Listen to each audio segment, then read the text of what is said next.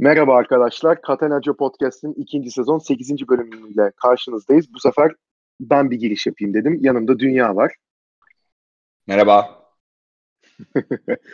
Ee, bugün geçen bölümde yaptığımız aslında o soru cevap tarzını devam ettirmeyi düşünüyoruz Dünya'yla ve e, bu hafta Süper Lig'de oynanan maçları da bu şekilde konuşmayı bu şekilde konuşmaya çalışacağız.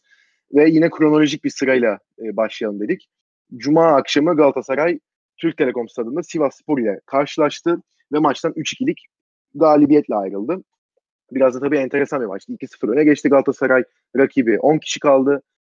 Ondan sonra bir gol yedi. 2-1 oldu tam oyun acaba sıkıntıya mı giriyor derken 3. golü bulup rahatlasa da Galatasaray Sivas Spor farkı 1'e indirdi ve son dakikalarda da açıkçası bir baskı kurarak Galatasaray'ı zor durumda bıraktı. Ee, ama Galatasaray sahadan 3 puanla ayrılmayı bildi günün sonunda. Ee, Dünya istersen Galatasaray Sivas maçı özelinde şöyle başlayalım. Şöyle sorayım sana. Ee, maçta sence Galatasaray adına galibiyette öne çıkan oyuncular kimdi yani performans olarak ve hani e, seni şaşırtan performanslar oldu mu açıkçası öyle sorayım. Ya bir kere defa önce şöyle başlayalım. Galatasaray taraftarına rahat, mutlu bir maç seyrettirmemeye yemin etmiş. O zaten 2-2 daha 4. Ee, öne çıkan oyuncular konusuna girmeden önce şu hocanın bahsettiği rehavet olayına değinmek istiyorum. Yani rakibi 11-11 oynanırken karşılaşma Sivasspor'un bir tane aslında yardımcı hekimin offside kaldırdığı en sonunda ama aynı pozisyon içerisinde 3 kere pozisyona girdiği ve ciddi bir gol tehlikesi yarattığı bir pozisyon var. Hemen akabinde Galatasaray'ın golü geliyor. Ve ondan sonra ilk geride Galatasaray başka pozisyon vermiyor fazla fazla sırası aslında. Oyunun yine topun hakimi, oyunun değil. Ama oyunun zaman zaman hakim olmayı başarmış. 15 dakikalık bir periyotta yine kötü bir oyun, oyunu sergilemeyen Galatasaray. İkinci yarı rakibi 10 kişi kaldıktan sonra skor 2-0 olmasına rağmen yine ben bu maçta puan kaybeder miyim düşüncesine kapılıp biraz geri çekilen, ara sıra pozisyona girmeyi başarabilen ama golleri de kalesinde gören bir Galatasaray var. Şimdi bir kere asla yatsınamayacak bir cevapla başlayalım. Florin Andone yani geldiği günden bu yana aslında çok da fazla umut vaat etmedi topla beraber performans olarak. Onun dışında mücadelesi, inancı, isteği e, yeterli düzeydeydi. Forma bulduğu Malatya Spor ve Gençler Birliği maçlarında. Ama ilk kez kalitesini gösterme fırsatı buldu Sivas Spor karşısında. Ya attığı gol bir kere çok güzel bir gol. Gerçekten bir golcü vuruşu. Ve öncesindeki kıvraklığı ve hızı da dikkate değer. Sadece attığı gollerle yargılamamak da lazım, değerlendirmemek de lazım. Penaltı pozisyonu da nitekim aynı kıvraklık ve hızın eseri. Sadece attığı gollerle değerlendirmemek lazım dediğim gibi. Oyun içinde baskısı, presi gerçekten takımın performansını bir tık daha ileriye taşıyor. Yani 85. dakikada kendi rakip kendi kendi ceza sahasının sağ çizgisine yakın bölgede rakibe yaptığı baskı, topu kapamadıktan sonra ikinci yerden kalkıp tekrar ikinci hamleyi yapıp topu kapmış olması, oyun içinde sürekli mücadele eden performansı ve istekliliği aslında takımın performansını bir tık ileriye taşıyor. O aslında Galatasaray açısından Falcao'nun da yok olmadığı dönemde, yokluğunda e, pozitif bir etki yaratması açısından kritik. Ek olarak söyleyebileceğim şey buna Enzonzi'nin zaten devam eden performansı. Gerçekten söylüyorum Türkiye liglerinde bu kadar oyun bilgisiyle oynayan, hani yavaş diyorlar evet yavaş ama oyun bilgisini o, bu denli iyi kullanan çok az oyuncu gördüm. Galatasaray taraftarının orta sahada hep bir Felipe Melo beklentisi vardır. O geçmedi yani yıllardır. Hani Fernando geldi işte yeni Melo falan dediler. hani Fernando aslında Melo'yla Enzonzi arasında bir yere yerleşebilecek, ikisinden de özellikler barındıran ve onun da oyun ve pozisyon bilgisi çok yüksek olduğunu söyleyebiliriz. Ve bu şekilde Galatasaray orta sahasını iki sene boyunca çekip çeviren isimdi. Fakat ben Enzonzi'de daha fazlasını görüyorum oyun bilgisi olarak. Takımı aslında o bölgeden yönlendiriyor. Yani Fenerbahçe'deki Emre ile Galatasaray'daki Enzonzi arasında fiziksel farklılık dışında hemen hemen hiçbir fark yok bana kalırsa eğer olarak. İkisinin de yokluğunda çok büyük sıkıntı olur Galatasaray'da ki transfer döneminde seriden sonra gerçekleştiği için transferi Enzonzi transferinin gerekli olup olmadığını da düşünmüştü Galatasaray taraftarı. Bugüne kadar gösterdiği performansa çok gerekli olduğunu, belki de en gerekli parça olduğunu gösterdi takımdaki. Ek olarak ne söyleyebiliriz? Luyendama'nın performansı belli bir seviyeye oturdu. Sezon başındaki o kötü oyunu artık yok. Ve bu vesileyle Galatasaray savunmasını bir tık daha toparladığını söyleyebiliriz. Özellikle 2-0'a kadar olan periyotta. Nitekim 2-1'e geldikten sonra oyun sarı kartı olduğu için çıktı karşılaşmadan. Ve ondan sonra Galatasaray daha fazla pozisyon vermeye başladı. Yani Luyendam oradaki ciddi bir sigorta Galatasaray adına. İlk kez forma bulan Şener ve Emre Taşdemir'i değerlendirebiliriz. Yani Şener ara sıra oynuyordu gerçi de. Emre Taşdemir bu sezon ilk kez forma buldu. Yani dinamizm olarak takımı bir tık daha üst seviyeye çektiklerini söyleyebiliriz. Nagatomo ve Mariano'ya karşı değer, Mariano ile değerlendirdiklerinde. Fakat senin sorduğun soruya cevap mı? Öne çıkan isimler kim sorusuna cevap mı? Değil. İkisi de öne çıkan isimler değillerdi. Herkese bir ufak ufak de dokunuyorum aslına bakarsan. Belanda çok çok kötüydü yine. Aynı istikrarsız performansı devam ediyor. Gerçekten çok çok kötüydü. Son bir parantezde Ömer Bayram'ı açmak gerekiyor. Gerçekten forma bulduğu Kayseri maçından itibaren geçen sezon Galatasaray taraftarına yaşattıklarının e, diyetini ödüyor. Yani Galatasaray taraftarından alkışı aldı zaten Sivas karşılaşmasında. Çok mücadele ediyor. Top tekniği orta sahada oynarken ciddi anlamda iyi gösteriyor. Ve orta saha performansı sol bek performansıyla siyah ve beyaz kadar farklı. Yani Emre Ta- oyuncu değişikliği ikinci yarıda Emre Taşdemir çıktı ve Ömer Bayram sol beke geçti. Yine çok kötü. Sol bek de çok kötü gerçekten. Ama bu onun suçu değil. Çünkü oyuncu aslında bir sol bek oyuncusu değil. Yani Akisar'da sol bek olmadığı için sol bek değerlendirildi. Ve o performansıyla dahi öne çıkıp Galatasaray transferini gerçekleştirdi. Ama sol bek değil. Sol kanat. Şimdi orta saha. Pozisyon bilgisi olmadığı için de zaten Emre Taşdemir çıkar çıkmaz sol beki geçtiği ilk pozisyonda sarı kartı görerek Beşiktaş maçında cezalı duruma düştü. Bunu söyleyebilirim aslında. Bunları söyleyebilirim Galatasaray'da öne çıkan isimler olarak. Ben sana şu soruyu yöneltmek istiyorum. 11-11 oynarken 2-0 öne geçen bir Galatasaray. ikinci yarı rakip kırmızı kartı gördükten sonra bir 15 dakikalık periyotta yine top ayağında tutmayı başaran rakibi hızlı baskı yapıp topu çok hızlı şekilde geri kazanan bir Galatasaray. Sonrasında 62-63. dakikadan itibaren düşüşün sebebi nedir? Ve yine Galatasaray'ın bu maçta bu kadar zorlanmasının hatta belki Sivas Spor'un buradan be, arenadan beraberlikle ayrılmasına sebep olabilecek pozisyonu bulmasına sebep olan etmen Galatasaray'da nedir? Yani işlemeyen ne aslında? Abi bir kere oradaki bu senin bahsettiğin Emre Taşdemir'in çıkıp Ömer Bayram'ın sol beke geçmesi bir kere zaten e, Sivas Spor adına yani hakikaten onları ileriye atan bir değişiklik oldu. Yani Ömer Bayram'ın sol bekte ne kadar zorlandığını, ne kadar pozisyon hatası yaptığını bu kadar biliyorken hele hele maç 3-1 olmuşken kendi sahanda ve Ömer Bayram da ceza sınırındayken ve haftaya Beşiktaş deplasmana gidilecekken ya Ömer Bayram şu an e, Lemina'nın da sakat olması sebebiyle orta sahanın değişmesi gibi gözüküyor. Yani Enzonzi ile beraber. Yani Ömer Bayram'ı çıkarmayıp Emre'yi çıkarıp bir kere zaten Ömer'i sol bek atmak büyük sıkıntıydı. Ondan sonra da işte sağ beklerinde Marcelo var. Önlerinde Emre Kılınç oynuyor sol e, sağ açıkta. Onlar da zaten sağ koridoru gayet iyi kullanan oyuncular. Yani direkt hemen Ömer'in arkasına bir top atmaları zaten pozisyona girmelerine sebep oluyor. Bir de ya yani ben hani Ömer'in böyle bir sıkıntısı var. Açıkçası Şener'in de böyle bir sıkıntısı var. Zaten hani Galatasaray'ın yediği iki golde baktığımız zaman Galatasaray iki tane aynı golden yedi. Yani bayağı Şener'in arkasına top atıldı. Direkt sol kanattan top içeriye çevrildi ve iki tane gol buldular öyle. Yani işte ilkinde Aruna Kone attı, ikincisinde Erdoğan attı. Ama ikisi de hani tip, tıp atıp aynı gol. Bir tek bir işte ikinci attıkları gol daha penaltı çizgisinden, penaltı noktasındandı. İlk attıkları gol daha kale çizgisi önündendi. Yani ikisinde de Galatasaray'da Şener'in artık uyuması mı diyeyim, pozisyon alamaması mı diyeyim bilmiyorum. Ama öyle bir zaten genel hatası var. Onun haricinde yani 10 kişi kalmış bir takıma karşı kendi sahanda 3-1 öndeyken ve hani öncesinde de açıkçası Şimdi ben Galatasaray'ın iyi oynadığını yine düşünmüyorum. Fatih Terim maçtan sonra hani istenilen iyi Galatasaray'a yakın bir oyun sergiledik. Yani parça parça öyle kesitler verdik dedi ama ben açıkçası pek ona katılmıyorum. Çünkü hani Galatasaray'ın iyi oynadığı döneme de bakarsak yine bir 15-20 dakikalık periyot var. Bu klasik oldu zaten. Her yani her maç değil iyi oynadığı maçlarla böyle tırnak için dediğim.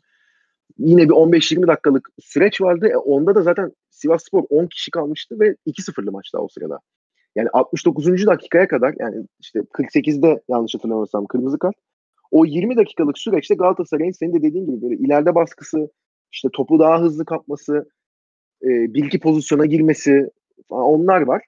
Ki hani aslında çok da net pozisyonu yok o sırada ama hani daha bir en azından rakip sahada hareketli gözüktü Galatasaray. Ve bunun da sebebi Sivas Spor'un 10 kişi kalmasıydı ve e, açıkçası Sivas Spor'da belli o sırada riskler aldı. Yani Rıza Çalınbay daha e, atağa yönelik değişiklikler yaptı orada.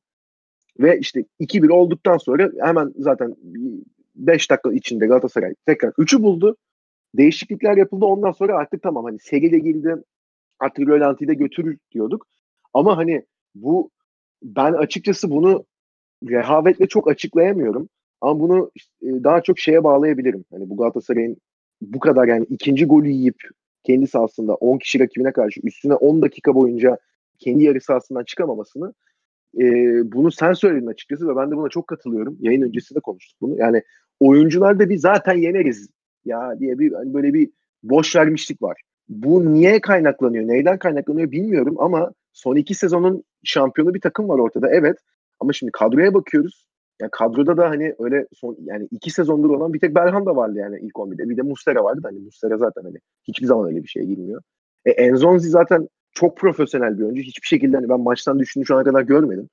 Ama yani giren oyuncular da hani evet mesela Donk biraz o mizaçta biri ama o da öyle hani boş vermiş şekilde oynayan biri değil ama yani takım muhtemelen bu iki senelik de şampiyonluğun hani yeni gelen oyuncular için de zaten biz yani geldiğim takım iki senelik şampiyon e zaten rakip de 10 kişi tamam zaten 3-1 oldu aldık biz bu maçı diye bir rahatlığa çekiliyorlar. Ve bundan sonra hani öyle şeyler oluyor ki Galatasaray'da. Yani ben de çok anlamlandıramıyorum. Yani orta sahadaki top kayıpları, abuk subuk paslar yani seri oyuna girdi. Bu takımın beyni olmasını düşündüğümüz oyuncuydu yazın geldiği zaman. Seri 87. ya da 88. dakikada maç 3 3-2 e, iken kendi ceza sahasının çizgisinde bu hani rulet denedi. Kendi etrafında dönerek rakibe çalım atmaya denedi. Topu kaptırdı ve Galatasaray gol yiyordu bu pozisyon yüzünden. Hakikaten ben taktikle, teknikle bu açıklayabileceğim bir şey değil bu benim. Bu gerçekten çok garip bir kafa yapısı çünkü. Yani seri bile o hale düştüyse ki yani ben Nice'deki dönemini de hatırlıyorum. Ya Fulham'da da tamam iyi oynamadı Fulham'da çok da Fulham'da böyle hareketler yapmıyordu. Ya gerçekten benim hani anlamlandıramadığım bazı şeyler var Galatasaray'da ve hala bu devam ediyor. İki hafta önce bu milli araya girerken çektiğimiz yayında da e, senin dediğin bir laf vardı. Hani Galatasaray bu iki haftayı Gençler Birliği maçından sonraki ilk toplantıda veya ikinci toplantıda oyuncularla beraber Fatih Terim oturup ya bakın siz istemiyorsunuz isteyeceksiniz isteyenler oynayacak ya da diye geçirirse Galatasaray'daki sıkıntılar devam eder demiştin sen ve aynen devam ediyor. Bu iki haftayı hani öyle çok teknikle yani taktik konuşarak geçirmiş gibi de durmuyor Galatasaray. Ve hani oyunu hiçbir şekilde tutmayı ve kontrol etmeyi bilmiyor. Galatasaray 10 kişi kaldığı zaman zaten illaki gol diyor.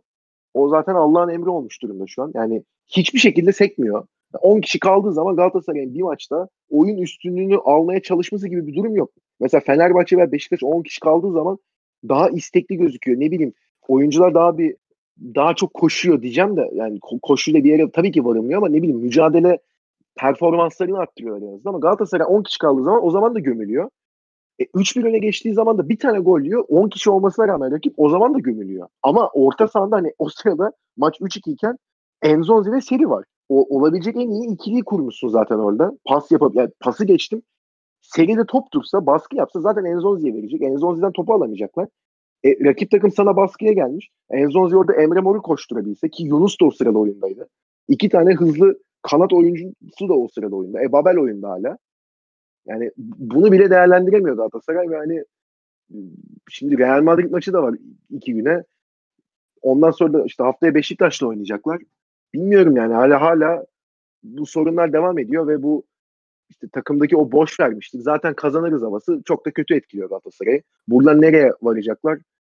Yani bilmiyorum açıkçası. Çok da bir fikir yürütebilecek durumda da değilim artık. Hakikaten çünkü ölüm kalım haftasına girdi Galatasaray. Yani umarım Fatih Terim bir çözüm bulur artık buna. Çünkü hani çok farklı bir yere gidiyor artık. Milli arayla veya işte sezon başı hazır değiliz ya da açıklanamayacak noktayı geçmiş durumda çünkü Galatasaray. Abi istersen Galatasaray'ı böyle kapatalım ve bir sonraki maça geçelim sana da uygunsa. Beşiktaş Ankara gücüyle istersen devam edelim. Aynen öyle. Bir sonraki maç oydu. Önümüzdeki hafta Vodafone Park'ta Galatasaray ağırlayacak Beşiktaş ve Ankara gücü karşısında da ya aslına bakarsan karşılaşmanın özetini seyrettikten sonra birazcık daha dikkat etmek istedim. Birazcık daha Beşiktaş'ı irdelemek istedim. O yüzden 60'tan sonrasını bir daha seyrettim. Yani pozisyon zenginliği açısından Şenol Güneş Beşiktaş ile uzak yakın alakası yok. Ama Abdullah Avcı'nın bir tek takımından da ben böyle bir şey beklemiyorum zaten. Maçı kazanacak fırsatları buldular mı? Bulmuşlar. Buldular. Buldular. Ama bunu değerlendiremediler. Hatta hatta şunu da ekleyebiliriz bu duruma. Ankara gücüne de birkaç fırsat tanıdılar bu, bu noktada. Yani aslında %100 Beşiktaş kazanırdı. Beşiktaş çok hak kazanamadı diyebileceğimiz bir karşılaşma değildi. Ben sana Beşiktaş'taki sorunları, devam eden sorunları sorarak başlamak istiyorum. Bir de bir ekleme yapacağım buraya. O konudaki yorumunu da cidden merak ediyorum. Abdullah Avcı'nın maç sonrası yaptığı Beşiktaş'ın ağrıması işte oyuncuları bu maçı kazanmalıydı zaten falan tarzındaki açıklamasına e, ne diyorsun? Yani bu konuda ne düşünüyorsun? Çünkü Beşiktaş'ın arması eğer o maçı kazanacaksa kazandır. Sen teknik direktörsün bu takımın. Ben açıkçası çok anlamsız ve gereksiz bir açıklama olarak değerlendirmiştim.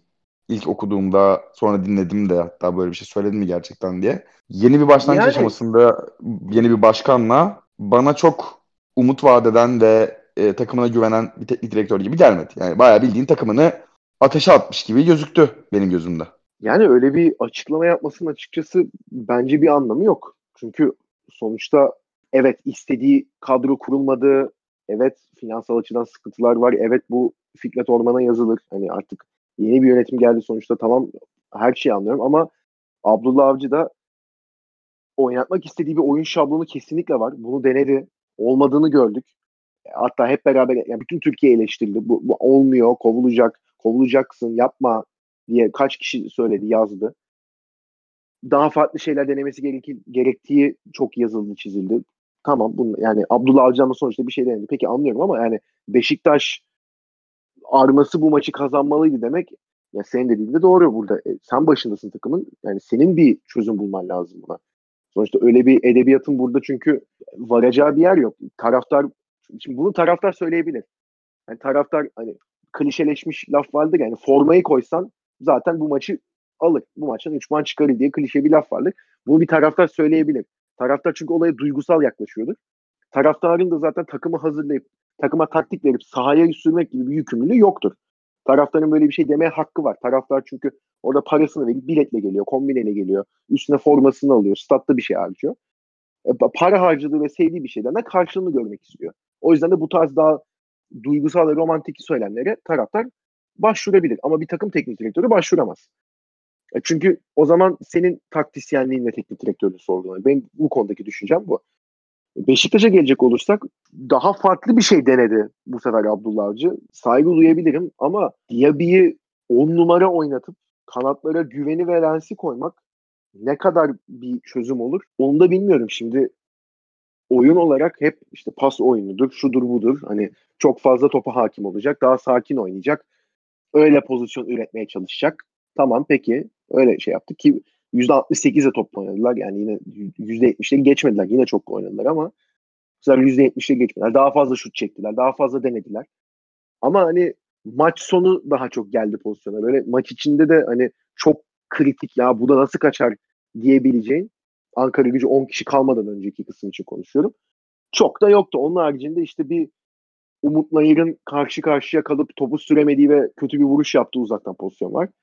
Bir de işte Diaby'nin boş kaleye abuk subuk bir şut yani önüne defans yaptı. Defansın ayağına şut çekti. Onun haricinde bu da nasıl kaçar ya diyebileceğin açıkçası çok da pozisyon yoktu. Ki Burak da zaten hani sakatlığı konuşuluyordu. Bu maçta da sakatlandı. Haftaya da olmayacakmış bu arada. E şimdi Burak'ın da eksikliğiyle artık bu sefer nasıl bir şeye başlayacaklar bilmiyorum ki bu e, kötü gidişin faturası da yani bir bakıma Laiç'e kesilmiş. O da yedekti bu maç zaten bu sezon ne kadar hırçın olduğu konuşuluyordu. Hani dört sarı kart görüp hatta cezalı duruma düşmüştü. Bugün de yedekten başladı. E, cumartesi günü. Ama Laiç'i kesmek ne kadar Beşiktaş'a ilaç oldu o çok da olmadı açıkçası. Şimdi Güven tamam kanatta oynayabiliyor. Daha hani verimi tartışılır. Topla olan hakimiyeti tartışılır veya hızlı şu bu, bu, elinden geleni yapıyor en azından. Diğer kanatta Lens var. Lens hala nasıl oynuyor onu zaten bilmiyorum. Yani Lens'te bu kadar ne görüyor? Lens'te daha doğrusu Şenol Güneş'te ne görüyordu da almıştı zamanında 4,5 milyon euro onu da bilmiyorum. Yani Fenerbahçe'de bir yarı sezon iyi oynamıştı ama hiç o zaman hani başındaki Dikat Okat demişti zaten. Yani yarım sezon bir sezon oynar. Ondan sonra oynamaz hiç almaya gerek yok diye. Hakikaten adamın da dediği çıktı 3 sene önce dedi. Ve 10 numaraya kanat forvet diyebileceğin Diaby'i koyuyorsun. E Diaby orada oyun kuramaz. E sen pas oyunu oynayacağız diyorsun. Tamam farklı bir şey deneyeceğim. Pas oyunu o oyunu olmadı. Daha farklı bir şey deneyeyim diyorsun da bu sefer de on numarayı diye bir koyunca arkada yani herhangi bir üretkenlik yapabileceğin materyal yok. Yani Atiba ile Elneni oynuyor orta sahada. Atiba zaten oyun kurucu yapıda bir oyuncu değil. Elleri topla iyi çıkabiliyor. Topa daha hakim, daha bir tekniği var ama hani o da ne kadar oyun kurucu özelliğini sahaya yansıtabilir orası da tartışılır. Arsenal'de 3 sezondur oynamıyor. Bir anda hani bu takıma gel po- bütün pozisyon yaratma yükünü sen çek demek Elneni'ye. E, o da çok Beşiktaş açısından iyi bir şey değil. E, üretkenlik olarak ileri dörtlüye de baktığın zaman e, abi Burak forvet, Güven forvet, Diaby forvet. Hani kanat forvet ama forvet de oynuyor. Lens de kanat. E şimdi dört tane daha yani pozisyon hazırlanması gereken oyuncudan kendi aralarında pozisyon hazırlayıp bir şeyler üretmesini bekliyorsun. E, olmuyor. Yani olmaz zaten. Hani daha bir zaten Laiç oyuna girdikten sonra Beşiktaş'ın ileride yani rakip ceza sahasının orada daha bir organize pas yaptığını gördük. En azından Laiç orada bir pas istasyonu olup daha oyunculara sen şuraya sen şuraya git diye hani pas dağıttığını gördük. Yani Laiç bu takımda oynamak zorunda zaten. O bir anlaşıldı. Yani Atiba, Elneni, Laiç üçlüsüyle orta sahayı kurabilir Abdullah Avcı ama hala kanatlar ve for, yani forvet çok demeyeceğim. Burak'lık bir durum yoktu çünkü ama hala kanatlarda sıkıntısı var. Ve hani Enkudu diye bir veya işte Güven diye bir işte Güven Lens'in her neyse birbirine oyun tarzı olarak da çok benzeyen oyuncular olduğu için üretkenlik açısından hani Laiç olmadığı zaman direkt duruyor işte Beşiktaş. Yine Caner orta saha gibi oynadı bu maç. Baya o ön libero kısmında takıldı. E ondan da gerekli katkıyı şeylerden beklerden alamayınca bir Douglas işte bir ara maç sonu çıktı ileriye. O zaman bir şeyler Abi burada bir araya girmek istiyorum aslında. Herkesin oyun tarzı aynı noktasına katılıyorum ama üretkenliği engelleyen faktörün tamamen bu olduğunu düşünmüyorum. Herkesin oyun tarzının çok stabil olmasından dolayı üretkenliğin az olduğunu düşünüyorum. Yani Beşiktaş'ın ileri hücum hattındaki herkesin oyun anlayışı, oyun felsefesi ve oyun yapısı aynı olsa dahi bu oyuncuların hepsi hareketli oyuncular olsa Beşiktaş daha fazla pozisyon bulabilir. Hatta bunu çok iyi anlamda kullanabilir. Yani statik olmayan tek adam Burak ve zaten Burak'tan önce evet. çok kötü durumdalardı. Burak'tan sonra biraz toplamaya başlamışlardı ki Burak e, Ankara gücü maçında da sakat sakat sahada yer aldı. Yani bunu Abdullah Avcı maç sonrası demecinde de belirtti. Sakattı, oynamak istedi. Biz de oynattık dedi. Sakat Burak'tan verim almak kolay bir şey değil elbette.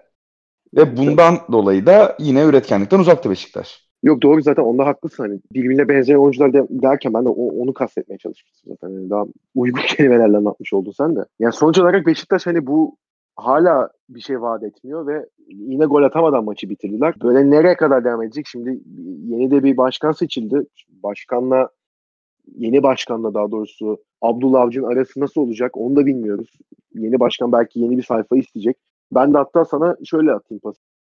Sen bu yeni başkanlık seçiminden sonra da şimdi haftaya Beşiktaş Galatasaray derbisi var.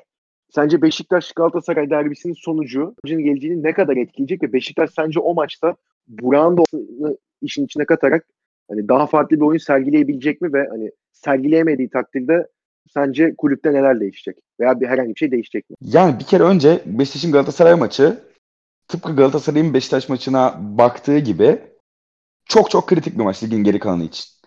Yani Galatasaray kaybetse çok fazla şey kaybeder ama umudunu korur. Beşiktaş kaybederse yeni başkanlık seçimi sonrası Ahmet Nur Çebi'nin gelmesi bugün itibariyle ve Abdullah Avcı'nın bu denli negatif performansı sonrası şu ana kadar sergilediği Beşiktaş'ta bir şeylerin değişmesi işten bile olmaz. Yani Galatasaray'ın Vodafone Park'tan mağlubiyetle ayrılması Fatih Terim'in koltuğunu çok da fazla sallamaz şu ana kadar salladığından. Bana kalırsa bu benim fikrim. Yine homurdanmalar başlar Galatasaray tarafında elbette başlar. Ama koltuğunu bu denli sallamaz. Abdullah Avcı'nın sallayacağı kadar. Sadece bu da değil. Ee, Beşiktaş'ın şöyle bir dezavantajı var Galatasaray karşısında. Her ne kadar lige çok iyi başlayamamış olsa da ve 8 maç sonunda 3 galibiyet, 4 beraberlik ve 1 mağlubiyeti var Galatasaray. Bu vesileyle topladığı 13 puan var. Sadece ve sadece 2 maçta 2 gol yedi. 3 maçta 2 gol yedi. Kayseri Spor, Sivas Spor ve Denizli Spor. Kayseri ve Sivas karşısında galip geldi 3-2. Yani hücumu ön plana koyup savunmada zaaflar bıraktı. Ve bu zaaflarını rakip takım değerlendirdi. Denizli Spor zaten şu ana kadar aldığı tek mağlubiyet Galatasaray'ın. Ve deplasmanlarda baktığın zaman Gençler Birliği deplasmanında gol yemedi. Malatya deplasmanında son saniyede, son dakikalarda bir gol yedi. Ve e, Kays, e, e Konya Spor karşısında son dakikalarda bir gol yedi. Yani aslında Galatasaray savunması çok da fazla açık veren bir savunma değil. Galatasaray'ın organize olmak pro, e, problemi var. Or, organize olma konusunda, hücum aksiyonları konusunda ciddi problem var. Nitekim aynı problem Beşiktaş'ta da var. Şimdi Vodafone Park'ta Abdullah Avcı'nın oyun sistemi değişecek mi? Bu bir kere çok kritik. Bu hafta bunun provasını yapabilirdi Ankara gücü karşısında. O provayı çok fazla yaptığını gözlemleyemedim ben açıkçası. Abdullah Avcı için şu anda mevcut sistemini Galatasaray karşısında denemek bir kumar ama denememek de bir kumar. O yüzden şu an için alacağı aksiyon tahmin edemiyorum. Burak'ın da yokluğunu hesaba katarsak Beşiktaş'ın ben Galatasaray karşısında üretmekte ciddi sıkıntı yaşayacağını düşünüyorum. Buna ek olarak Galatasaray'ın da Beşiktaş karşısında üretme sıkıntısı olabilir. Yani bugün sorsam maç kaç kaç biter diye 0-0 bitmesi beni çok şaşırtmaz diyebileceğim bir maç. Aynen Hele öyle. ki bir de hakem olarak Cüneyt Çakır atılırsa maça tam 0-0'lık bir maç yani. Tam mükemmel bir 0-0'lık maç. Ama e, şunu değerlendirmek gerekiyor. Bana kalırsa Beşiktaş'ın ilk amacı kazanmak olmayacak. Yani Abdullah Avcı'nın ilk amacı kazanmak olmayacak. Kazanmaya çalışır kaybederse yani hem onun koltuğu gidecek hem de Ahmet Nur Çebi ciddi bir problemle karşı karşıya kalacak. Bu hafta zaten bu konuşmalar Beşiktaş cephesinde gerçekleştirilir. Maç taktiği ve maç planı belirlenir. Elbette her takım derbiye kazanmak için çıkar Türkiye'de ama ilk plan Beşiktaş'ta kaybetmemek olacaktır. Ben Galatasaray'da benzer bir şeyden çekiniyorum. Galatasaray Vodafone Park'a kaybetmemeye giderse dediğim gibi tam beraberliğe kilitlenebilecek bir maç izleyebiliriz. Ee, ama Fatih Terim de böyle çıkışları sever. Ee, Vodafone Park'ta alabileceği bir galibiyet onu iyi bir noktaya taşıyabilir.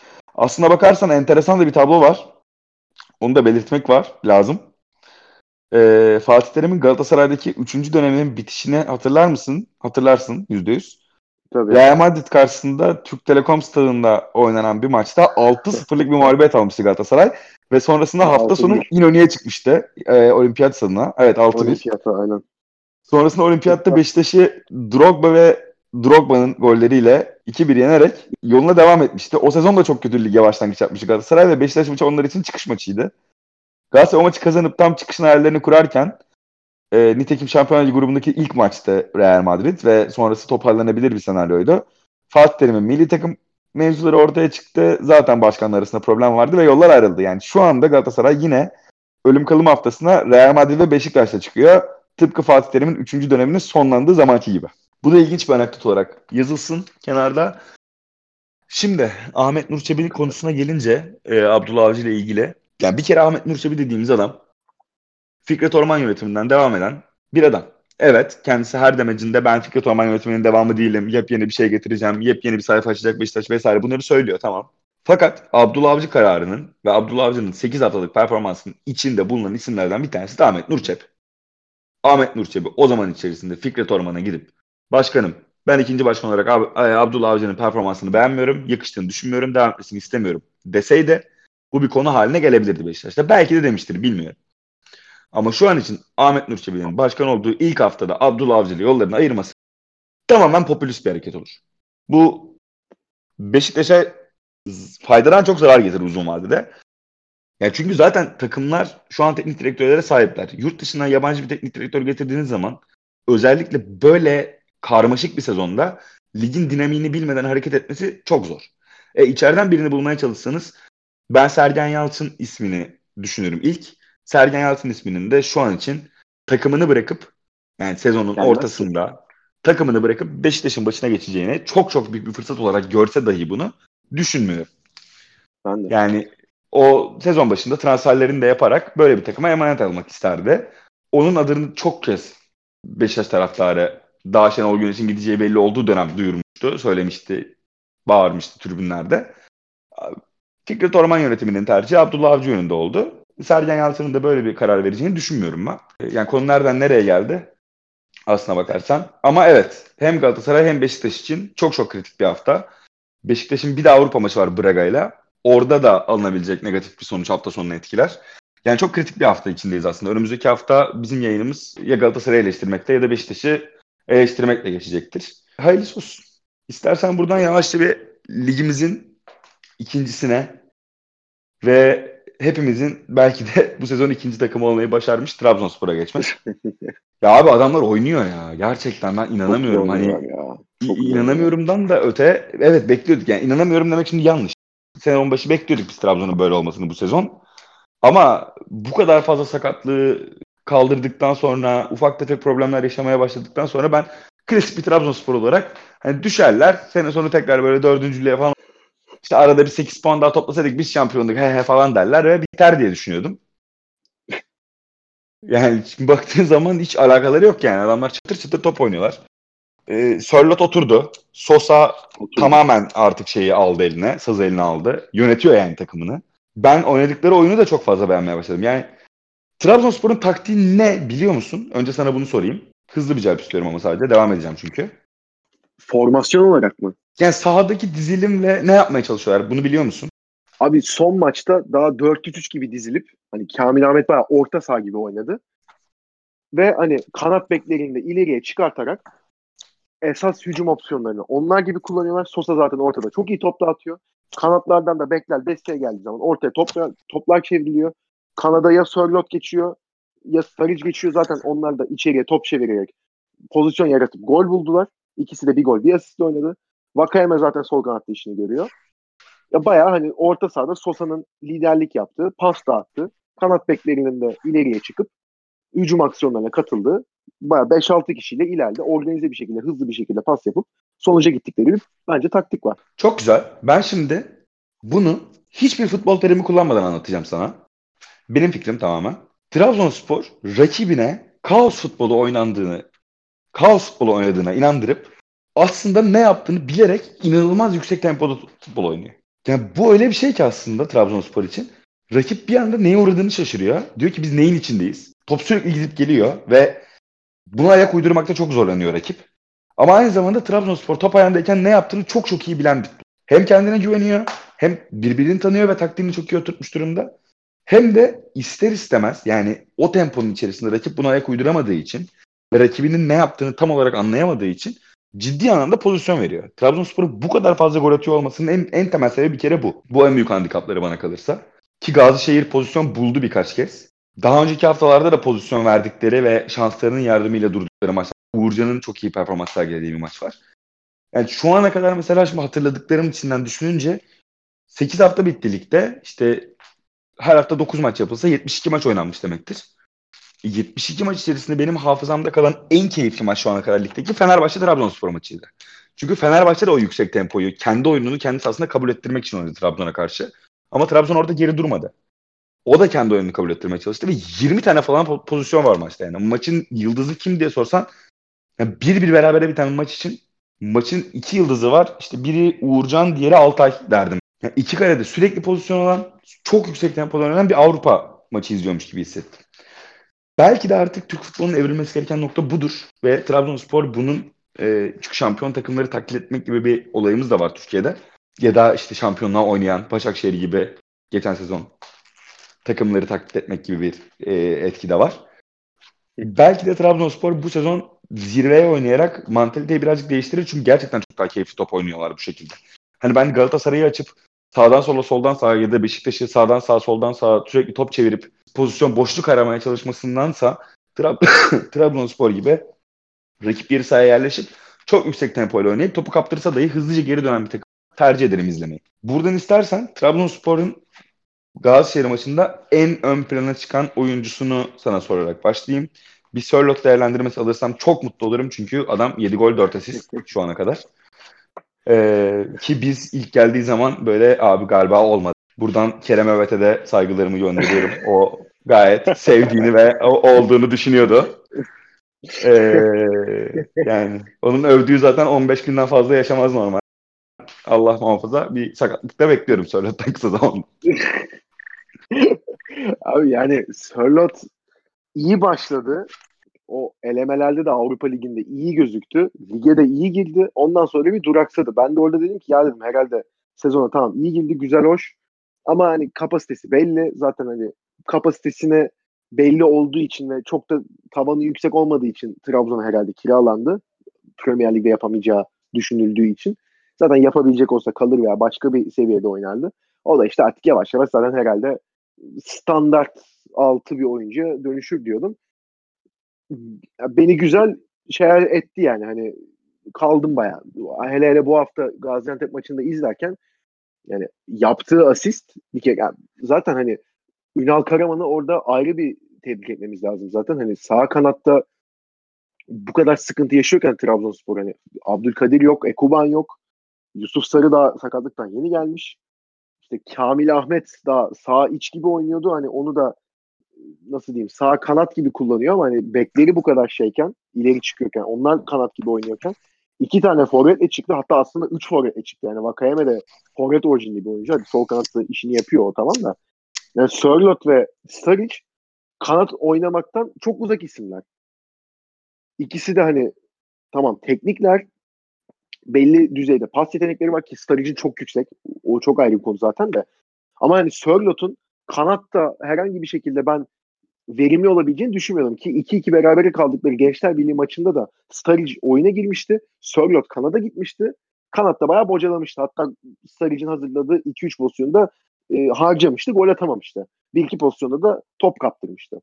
Bu maçı da öyle başlayınca ya acaba hani kanatta ne kadar sıkıntı yaşayacak diye düşünürken zaten daha hani maçın başında 10. dakikada çok güzel pas çıkardı Sturridge. Sturridge de abi müthiş vurdu ya. Yani öyle tek vuruş şat diye köşeye zaten daha 28-29 yaşında Sturridge. Yani hani öyle 35 yaşında da gelmedi Trabzonspor. Avrupa'da da çoğu üst düzey yerde oynayabilecek durumda bu sakatlık problemi olması ama yani ne kadar kaliteli olduğunu zaten biliyorduk. Onu da gösterdi. O, öyle tek vuruş yapmak gerçekten zor. Ya bir de bundan sonra 5 dakika sonra hani golü attığı yetmezmiş gibi Saric bir de efsane asist yaptı. Yani mükemmel kaçırdı Sörlot'u. Sörlot'a çok güzel bir vuruş yaptı. Yani kaleciyi geçti yanlış hatırlamıyorsam. Gayet güzel bıraktı topu. Çok da güzel gol. Yani ikisinin zaten maçı 15 dakikada bir gol bir asistle başlaması ya gerçekten olağanüstü. Ya bir de diğer takımlara baktığımız zaman şimdi Muric mesela bugün dördüncü golünü attı da yani 8 maçta 4 gol hadi Fenerbahçe forvet için yani bir derece kabul edilebilir. Oyunda çok mücadele ediyor. Çok katkısı var Fenerbahçe'ye. O ayrı. E, Beşiktaş'a bakıyorsun Burak'ın daha bir golü var. Tamam o da sakattı ama diğer oynayan oyuncuların da zaten gol katkısının ne kadar düşük olduğunu görüyoruz. E, Galatasaray'da zaten Andone bu hafta iki tane gol attı. Ondan önce zaten forma şansı adam akıllı bulunmuyordu. E, Falcao zaten adam akıllı 3 maç oynadı. Bir tanesinde gol attı. Bir tane attı onda da. O da hani defansa çarptı gibi. Yani bütün bu takımlara baktığımız zaman Trabzon forvetlerinin ve yani daha doğrusu hücum hattını Vakayeme içine, içine katarak bu kadar birbiriyle uyumlu olup bu kadar skor yükünü çekmeleri gerçekten hani çok takdir edilmesi gereken bir şey. Ve hani Sörlot'un gol vuruşu olarak ben açıkçası biraz düşük olduğunu yani kalitesinin düşük olduğunu düşünüyordum ama öyle de değil. Yani atıyor adam. Yani tekniği de gayet yerinde. Yani o fiziğe, o boya gayet de bileklerine hakim bir oyuncu. Hızı da bence ortalamanın üstünde. Yani kafasını tam olarak maça verebildiği zaman çok etkili olabiliyor Sörlot. Bu maçın da en etkili oyuncularından biriydi. Yani tabii ki e, Sörlot'u bırakıp hani genel sen takımın en etkili oyuncusunu da sormuştun. Abi Sosa'yı söylemeden de edemiyorsun burada. Yani Sosa yine uzaktan da çok güzel bir gol attı da abi gol atmasına gerek yok adamın zaten hani en, en, en ön planda oyuncu olması için. Adam ben, gerçekten ben izlerken mest oluyorum ya. Yani adam öyle bir kurguluyor ki orta sahayı. Yanında Kamil Ahmet'le Abdülkadir parmak oynadı. Ya Kamil Ahmet hani sağ açık sağ bek. Abdülkadir hani sağ açık başladı kariyerine. 10 numaraya çekildi. Ve şu an orta saha olarak oynuyor. Bayağı Sosa Abdülkadir'i zaten yanında eğitiyor yaklaşık bir senedir. Abdülkadir'e de bayağı futbolu yani daha doğrusu orta sağlığı öğretti. Ve hani ön liberosuz çıkılmış bir maçta. Sosa'nın da daha geriye geldi. Yani Regista gibi oynadığı bir maçta hücuma bu kadar katkısı, yani bu kadar hücumun içinde olması, direkt merkezde olması ya gerçekten çok başka bir seviyede Sosa. Hani hiç şu an bence o konuda yanına yaklaşabilecek bir tek Emre Belezoğlu var ligde. Onu ayrı bir şey katıyor. Onu zaten birazdan Fenerbahçe geldiğinde bir yine övme seansımız başlar Emre Belezoğlu'nun da. Ama yani Sosa'nın da çıktığı seviye gerçekten izlemesi inanılmaz keyifli ve yani Trabzon'un oyununu da gerçekten çok yukarıya çekiyor. Buradan sana Trabzon'la ilgili şunu soracağım Fenerbahçe'ye geçmeden önce. Sence bu formu ne kadar daha devam ettirebilirler? Yani çok iyi oynuyorlar ama baktığımız zaman biraz da kısıtlı bir kadroları var.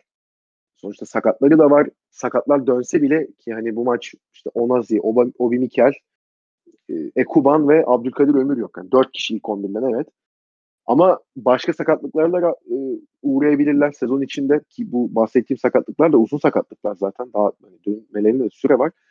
Rotasyonda bu kadar daralmışken sence bu oyunu nereye kadar sürdürebilirler ve sürdürürlerse eğer ilk yeri iyi bitirirlerse sence gerçekten şampiyonluk için çok büyük bir aday olurlar mı? Tersten başlayayım. Önce ilk yeri bu şekilde bitirebilirler mi? Pardon, şöyle söyleyeyim. İlk yeri böyle bitirirlerse ciddi bir şampiyonluk adayı olurlar. Şimdi ilk yeri önce bitirebil böyle bitirebilirler mi? Onu. Dediğin gibi dar bir kadroları var ama bu bence kondisyonlarıyla birebir bağlantılı. Avrupa'da oynuyorlar. Dar kadroları Avrupa'da Avrupa'da da oynamalarından mütevellit sıkıntı yaratabilir uzun vadede ligdeki performansta. Özellikle Avrupa deplasmanı üstüne deplasman yapacakları zamanlar da olacak. Ve bu ciddi bir problem yaratabilir Trabzonspor için. Ama olur da kondisyon seviyeleri geçen sezon aslına bakarsan Trabzon'un kondisyonu fena değildi. Ligin sonlarında da bence iyi performans göstermeye devam ediyorlardı. Demek ki Ünal Karaman takımını iyi hazırlıyor. Eğer takımı buna göre iyi hazırladıysa bana kalırsa Sörlot sezonun tamamını götürebilecek bir isim fiziksel olarak. Sosa hakeza bizim ligimizde yıllarca oynamış olduğundan dolayı da biliyoruz bunu. Sezonun tamamını performans olarak belli bir seviyede tutturabilecek bir isim. Burada Sturridge önemli birazcık. Onun performansı kritik olacaktır. Uzun vadede. Çünkü Ekuba'nın yokluğu onları ciddi anlamda etkileyecek uzun bir süre.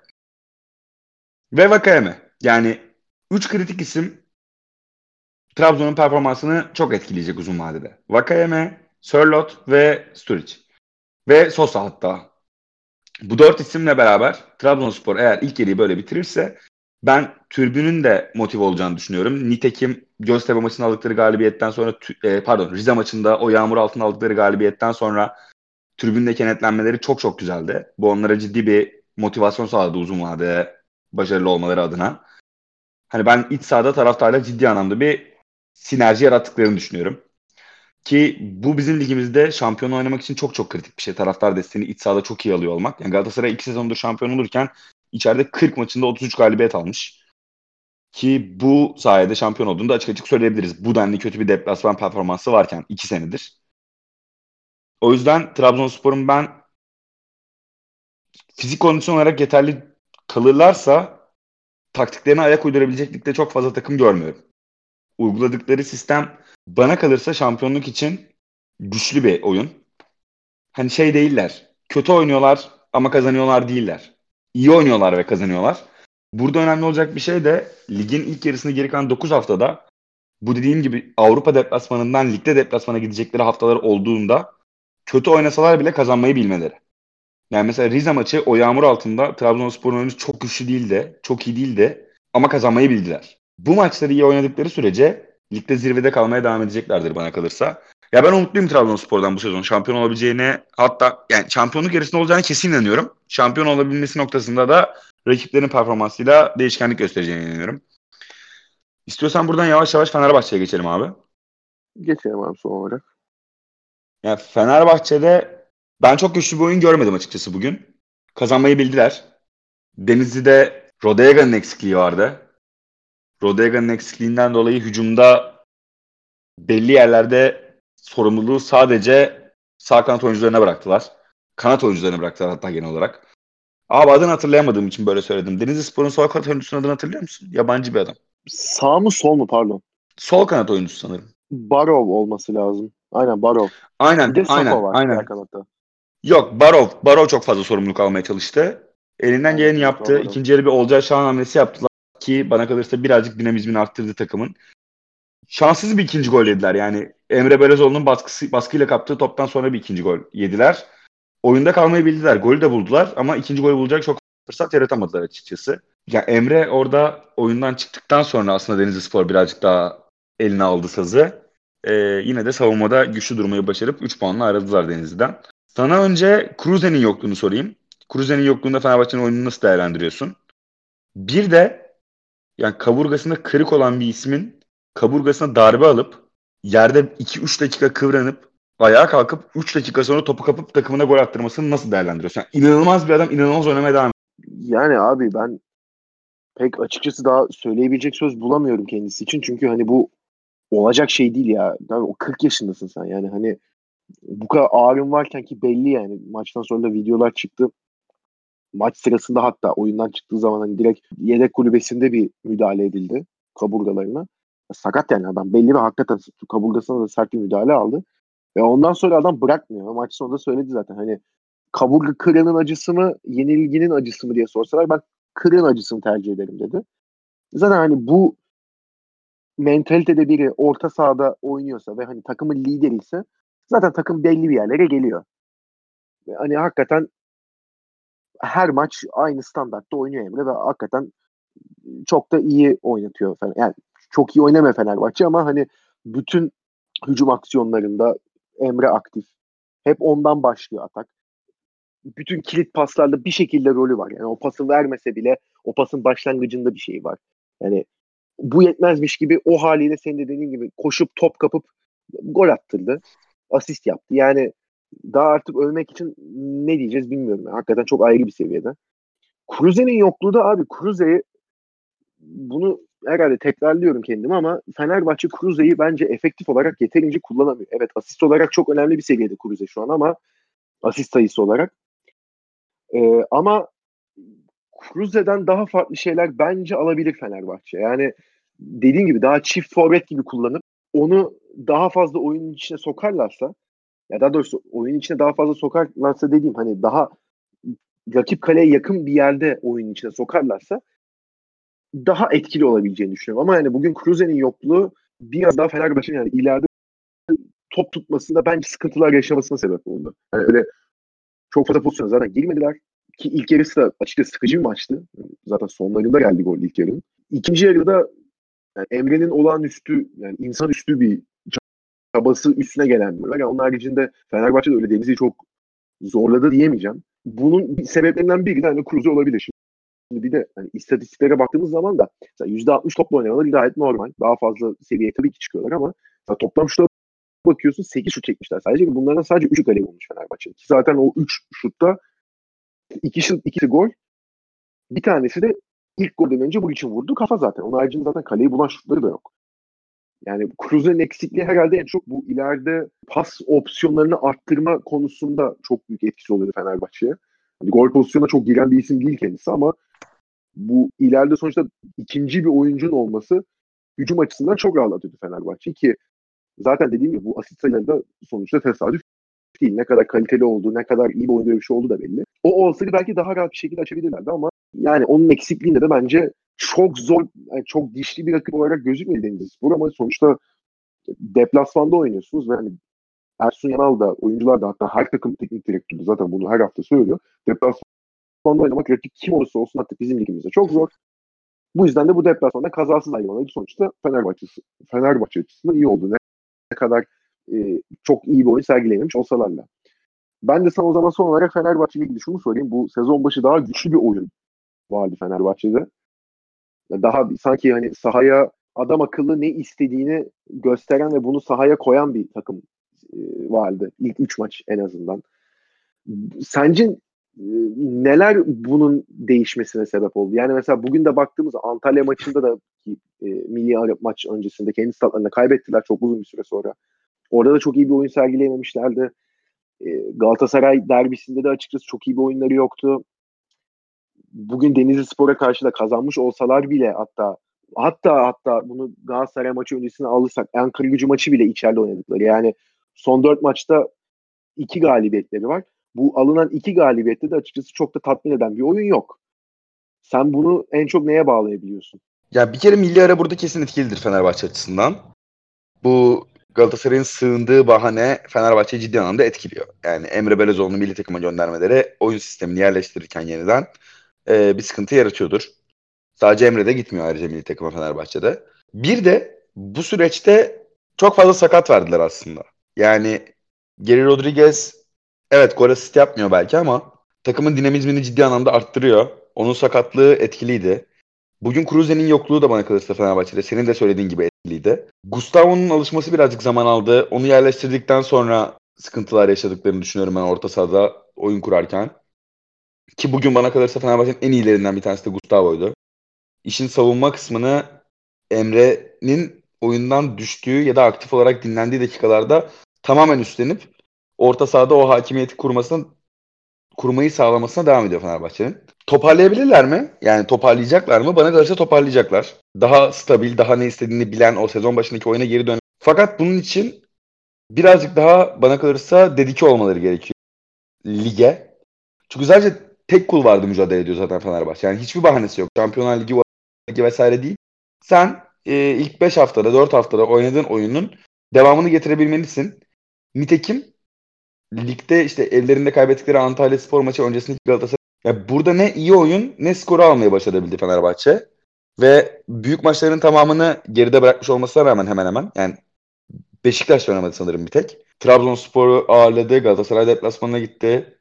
Başakşehir deplasmanından çıkmayı bildi. Hani bunları düşündüğün zaman aslında Fenerbahçe'nin fikstür olarak zor kısmı birazcık geride kaldı. Ancak bu Denizlispor galibiyeti sonrası içeride oynayacakları ilk maçta ciddi anlamda galibiyeti kovalamaları gerekiyor ki bir seri yaratmayı başarabilsinler. O seriyi yarattıkça sezon başında kazandıkları o özgüven, istek ve taraftarla bütünleşik hali devam edecektir. O da onları eski oyunların eski oyun temposuna, eski oyun istekliliğine geri çekecektir. Fakat şu an için e, yani bu, bir, bu bugün bir başlangıç oldu bence yeniden Fenerbahçe. Bu arada bir sonraki iç sağ maçları kimle biliyor musun? Kimle? Aykut Kocaman Konya'sıyla. bu, bu hafta onlarla oynuyorlarmış. Ya inanılmaz, yani... inanılmaz, inanılmaz zor bir ekip aslında Aykut Kocaman Konyaspor Fenerbahçe açısından.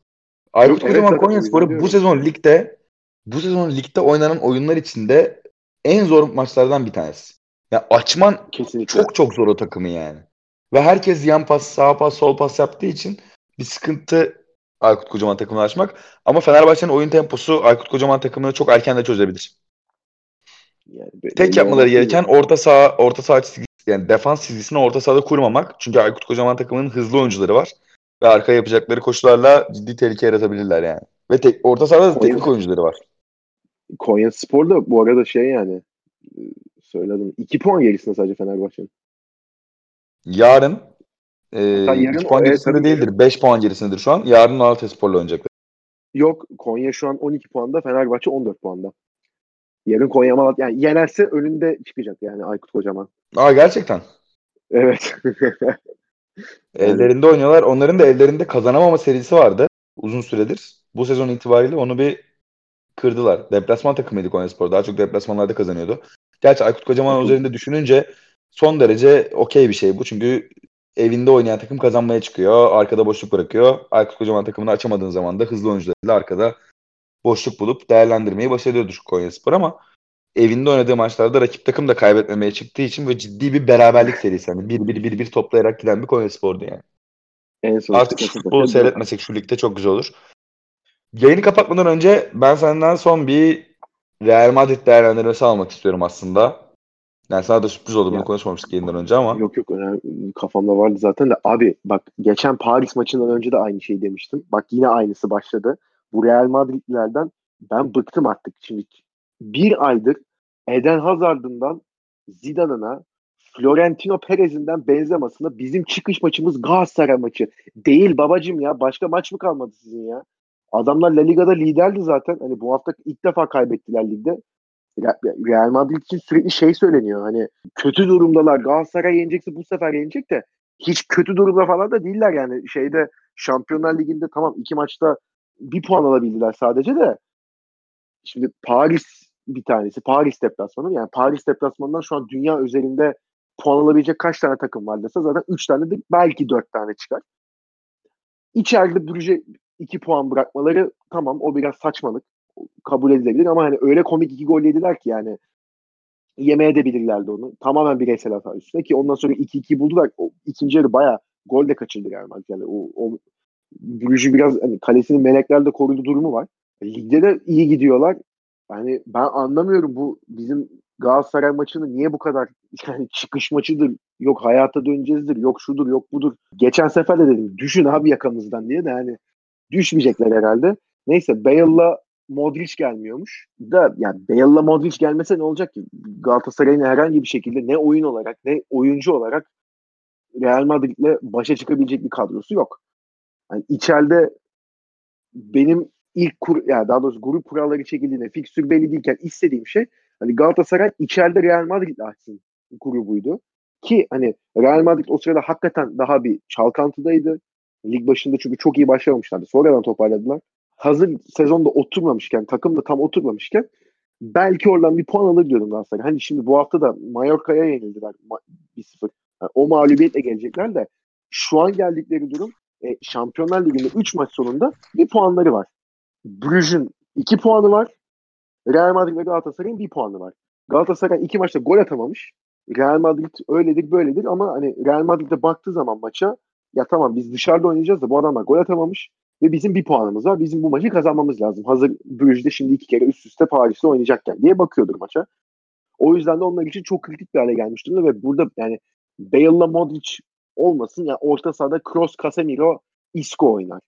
Yani ileride zaten Hazard, Benzema hadi sol kanatta da Vinicius Junior oynar veya Rodrigo oynar. Bilmiyorum kim oynayacak ama Galatasaray zaten hani bu seviyede ben herhangi bir takımla öyle baş edebileceğini çok düşünmüyorum. Zaten bunu geçen hafta Gençler Birliği maçından sonra konuşurken de söylemiştim. Galatasaray yani Şampiyonlar Ligi'ndeki kendisi hariç diğer 31 takımın 31'ini de yenilir.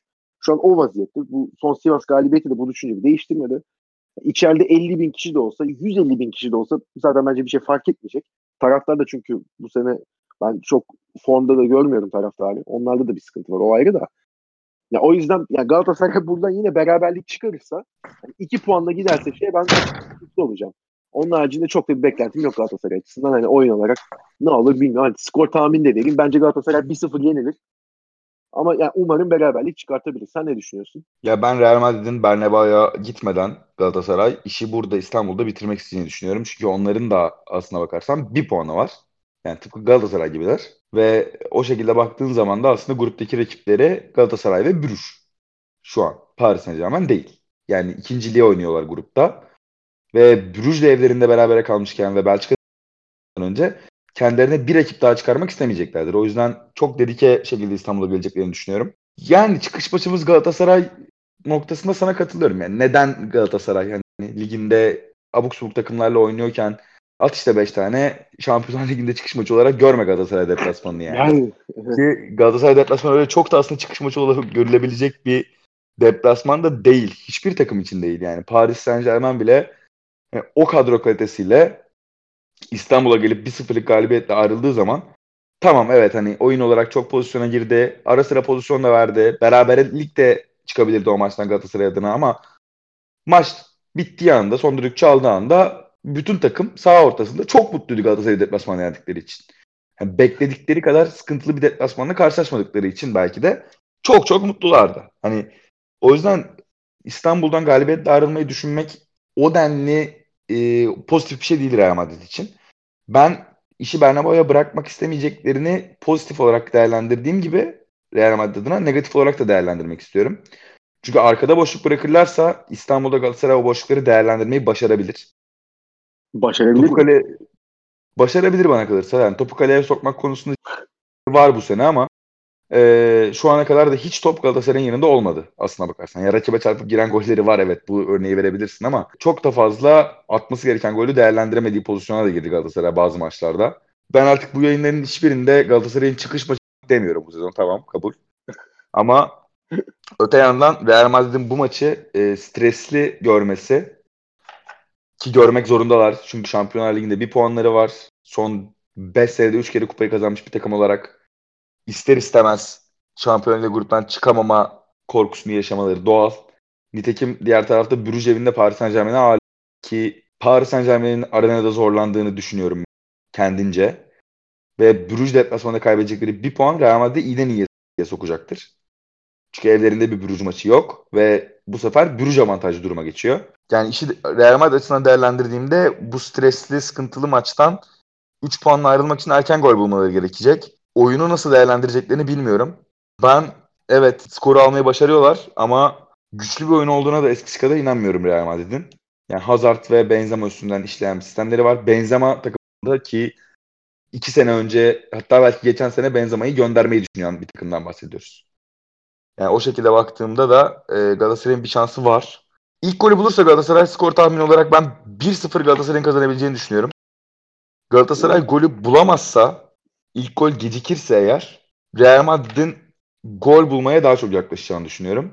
o golü bulursa skoru farklı yerlere taşıyabilir. Bundan emin olabilirim yani aslına bakarsan. Çünkü daha önce bu yaşandı. Galatasaray baskıyı kurdu, atamadı. Sonra 6 tane yedi. Böyle bir maç da seyrettik bir zamanında. Ee, Real Madrid yenmek için çok iyi olmanız lazım. Bu asla yadırganabilir bir şey değil. Yani futbol hani hatalar oyunudur ve sonucu hiçbir zaman baştan tahmin edemezsin. Basketbolda en büyük basketbolda herkes yani evet belki basketbolda da şansın da etkenleri vardır ama basketbolda genelde rakibinin kimin kazanacağı bir maçı bellidir başından. Ciddi bir favori vardır. Futbolda bu favorinin kim olduğunu çok fazla bilemezsin ama Real Madrid karşısında güçlü bir oyun ve güçlü bir e, ya güçlü bir oyun oynaman ve şansının yanında olması zorundadır yenmek için onları. Yani kuramadım, toplayamadım cümleyi aslına bakarsan. Ama anladın sen demek istediğim benim. O yüzden ben Salı günü Galatasaray'ın şansının yanında olması gerektiğini ve güçlü oyununu sergilemek zorunda olduğunu düşünüyorum. Çünkü böyle şansla işleyebilecek sadece şansa bağlı bir iş değil Real Madrid yenmek. Aynen öyle. Katılıyorum ben de. Sen açtın sen kapat kardeşim ya. o zaman artık buraya kadar dinlediyseniz Catenaccio'nun 8. bölümünden hepinize hoşçakalın. Bir sonraki haftada artık bu sefer Şampiyonlar Değer Ligi değerlendirmesi yapar mıyız bilmiyorum ama bu formattaki yayınlarımızı devam edecek. Bizi dinlemeye devam edin. Hoşçakalın. Hoşçakalın.